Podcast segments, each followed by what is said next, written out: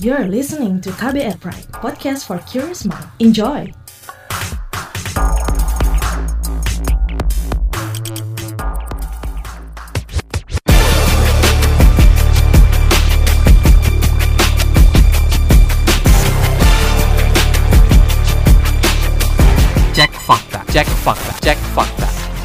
Seperti apa penelusuran video dengan klaim baju tentara Cina dicuci laundry di Kelapa Gading? Dan bagaimana penelusuran foto dengan narasi Israel ubah masjid bersejarah jadi bar? Kita akan simak dalam Cek Fakta episode kali ini kembali bersama Ketua Komite Pemeriksa Fakta Masyarakat Anti Fitnah Indonesia, Mafindo Aribowo Sasmito. Saya Don Brady menghadirkan topik teratas periksa fakta Mafindo periode 25 hingga 31 Juli 2020. Hasil periksa fakta dengan tingkat engagement paling tinggi dalam forum anti fitnah hasut dan hoax atau FHA-FHH serta Instagram. Podcast ini bisa Anda simak di kbrprime.id setiap Senin dan di aplikasi podcast lainnya.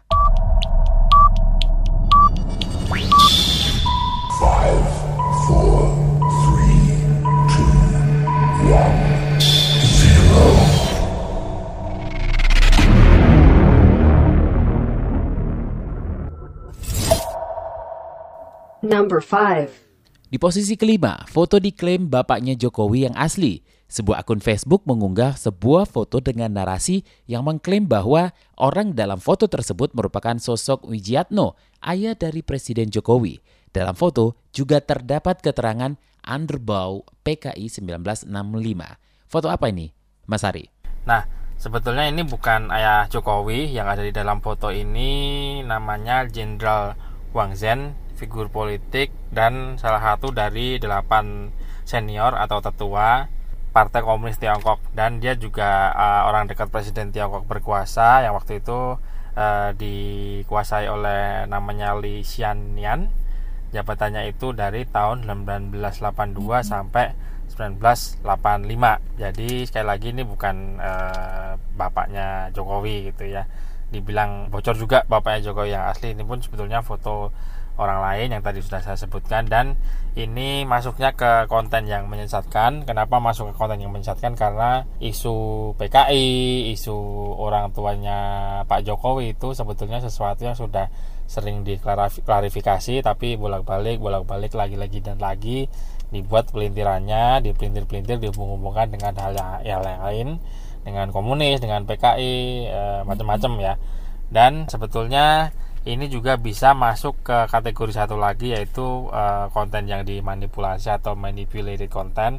Karena uh, ini fotonya sendiri hasil dari suntingan atau editannya. Jadi uh, kalau terutama untuk yang paham dengan manipulasi atau sunting-sunting gambar itu di sini mereka biasanya akan komentar dan ada komentar-komentar yang muncul juga yang bilang bahwa ya aneh orang fotonya hitam putih kok uh, logo Palu Aritnya berwarna dibilang begitu jadi uh, ya ini masuknya kategori combo konten yang menyesatkan dan konten yang dimanipulasi Number 4. Di posisi keempat, foto dengan narasi Israel ubah masjid bersejarah jadi bar.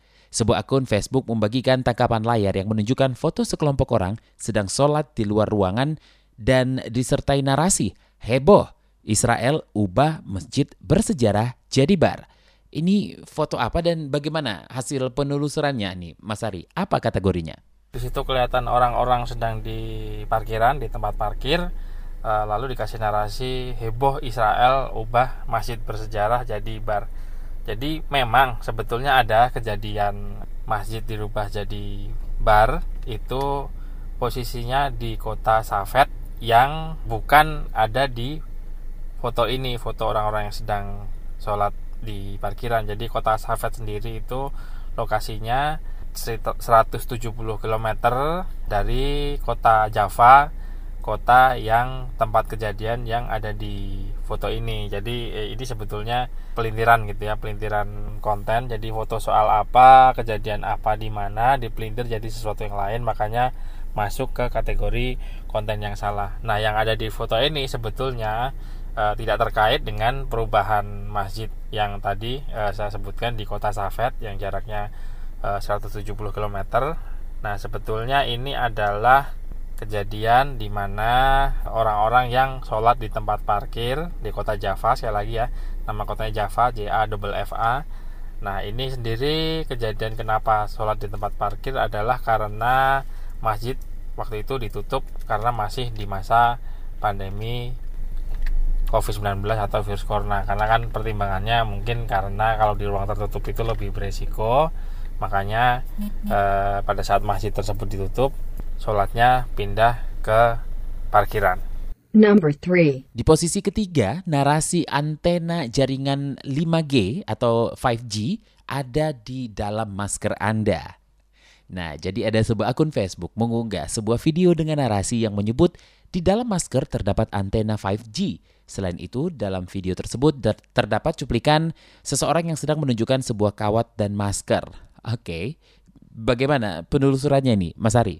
diedarkan foto masker yang di fotonya itu sepertinya masker bekas pakai ya lalu dikasih narasi antena 5G di dalam masker Anda e, ini isu yang sebetulnya berasal dari luar negeri yang dalam tanda petik diimpor ke Indonesia ya di luar negeri sudah beredar lebih dulu.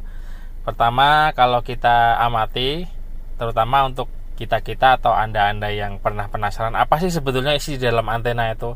Antena itu sebetulnya isinya kabel kabel yang digunakan untuk menangkap sinyal lalu dibungkus menggunakan semacam material yang biasanya lentur jadi agak bisa ditekuk-tekuk. Nah antena sendiri itu tidak bisa hanya berfungsi sebagai antena karena antena itu akan terhubung dengan perangkat yang fungsinya sebagai transceiver. Transceiver itu dari transmit dan receive memancarkan dan menerima. Artinya eh, kalaupun yang ada di masker itu memang betul-betul antena ya antena yang tidak bisa jalan karena dia tidak terhubung ke perangkat apa pun gitu.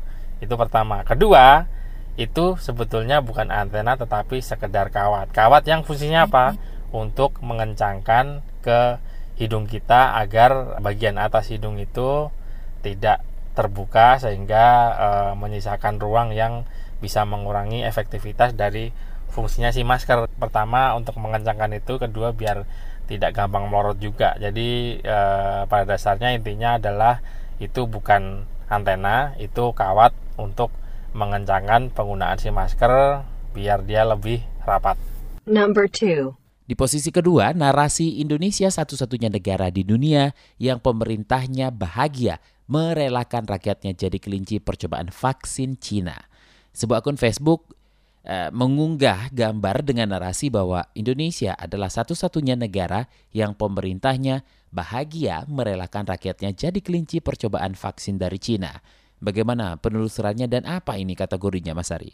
Diedarkan foto lalu dikasih narasi yang intinya Indonesia satu-satunya negara di dunia yang pemerintahnya bahagia merelakan rakyatnya jadi kelinci percobaan vaksin dari Cina. Pertama, isu apa pun kalau dikait-kaitkan dengan Tiongkok dengan Cina sampai sekarang sampai hari gini masih laku gitu ya. Pokoknya apa apa yang ada narasinya Cina langsung memancing emosi orang yang dengan mudahnya kalau kita tahu sendiri ya kalau sudah emosi itu orang akan dengan mudahnya menyebar tanpa memeriksa lebih dulu. Nah kedua sebetulnya ini yang digunakan untuk percobaan vaksin itu tidak hanya di Indonesia tapi ada di sejumlah negara lain misalnya uh, ini vaksin Sinovac ya yang diuji coba misalnya di Brasil, Turki, Bangladesh, uh, Chile dan ini juga sudah diuji coba ke relawan dari uh, relawan di kota Wuhan. Kota Wuhan itu ground zero-nya tempat pertama kali beredarnya virus COVID-19 atau virus corona yang baru.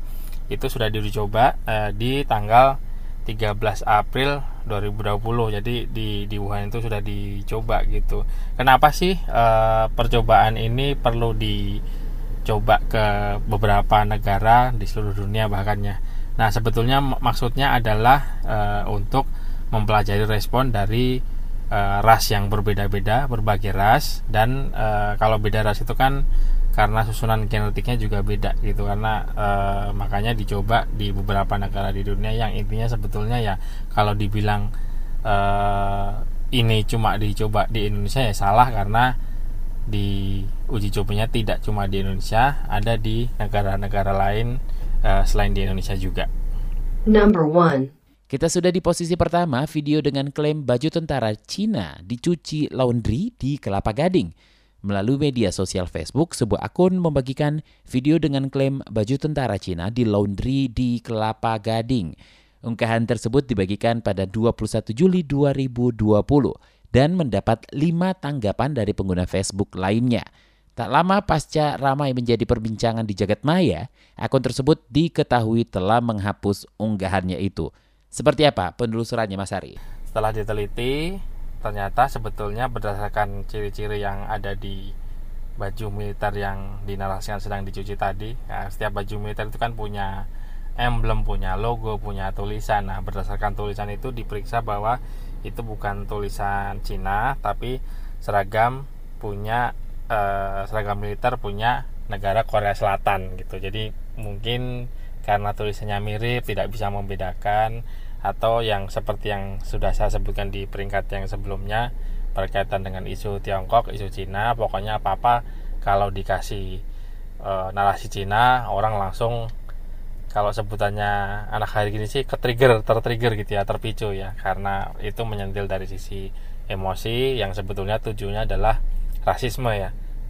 Gitu. Setelah diperiksa pun tadi e, tulisannya itu bukan tulisan Cina dan e, Polri dan yang terkait itu sudah memeriksa dicek secara lokasi ke 42 usaha pencucian baju atau laundry di daerah Kelapa Gading.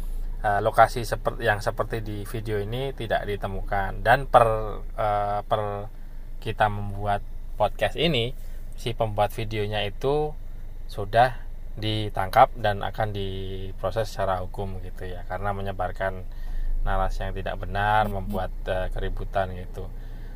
Ini juga sebetulnya tekniknya cukup sederhana jadi tinggal mengambil video lalu narasinya disebutkan oleh si pengambil video. Entah itu sumbernya memang dia pegang perangkat perekam atau handphone mungkin ya bisa handphone bisa kamera yang lain uh, menggunakan kamera perekam. Kan mikrofonnya nyala tuh mikrofon nyala lalu dikasih narasi sendiri yang belum tentu seperti yang berkali-kali biasanya saya ingatkan foto asli, video asli, kejadian ada belum tentu seperti yang ada di narasi. Jadi hati-hati dengan narasi, lihat 5W1 hanya karena belum tentu cocok gitu. Nah, itu tekniknya cukup sederhana, modalnya murah ya, tapi efeknya lumayan uh, memicu reaksi orang. Jadi sekali lagi intinya hati-hati uh, kalau melihat video atau foto yang tidak disunting tapi e, narasinya tidak sesuai dengan kejadian asli yang sedang direkam entah itu di foto atau direkam videonya kita harus memperhatikan 5W1 hanya apakah sesuai dengan yang ada di narasi terutama kalau sumber videonya tidak jelas gitu. Beda cerita kalau dari sumber-sumber yang jelas dari TV dari media-media yang bisa dipegang kredibilitasnya. Jadi eh, ini teknik yang cukup eh, sederhana tidak terlalu ribet tapi masih bisa juga digunakan untuk memicu emosi orang. Nah, salah satu tandanya juga sebetulnya kalau kita mau e, cukup jeli dalam melihat sesuatu yang sedang disebar-sebarkan, itu apa sih yang sedang disebarkan? Apa sih yang sedang saya lihat, saya tonton ini sebetulnya apa? Saya belum tahu faktanya, tapi dari sisi emosi itu sudah memancing reaksi emosi kita. Nah, kita bisa berangkat dari situ pokoknya kalau sudah berasa emosi tolong jangan buru-buru disebarkan. Tenang dulu. Kalau perlu gawai atau gadgetnya ditaruh dulu. Nah baru setelah emosinya turun kita lihat lagi dilanjut cari tahu gitu. Jangan karena pas emosi lalu buru-buru disebarkan yang belakangan menyesal karena ternyata ikut andil dalam menyebarkan berita yang tidak benar itu dia tadi topik teratas periksa fakta Mavindo periode 25 hingga 31 Juli 2020. Hasil periksa fakta dengan tingkat engagement paling tinggi dalam forum anti fitnah hasut dan hoax atau FHFHH serta Instagram. Podcast ini bisa Anda simak di kbrprime.id setiap Senin dan di aplikasi podcast lainnya. Mas Hari? Selalu, tidak bosan-bosannya saya ingatkan, jaga emosi, tahan jari, verifikasi sebelum dibagi. Saya Aribo Sasmito, Terima kasih. Assalamualaikum warahmatullahi wabarakatuh. Terima kasih telah menyimak podcast Cek Fakta ini. Kami menantikan masukan Anda melalui podcast at kbrprime.id. Sampai jumpa di episode berikutnya. Cek Fakta. Cek Fakta.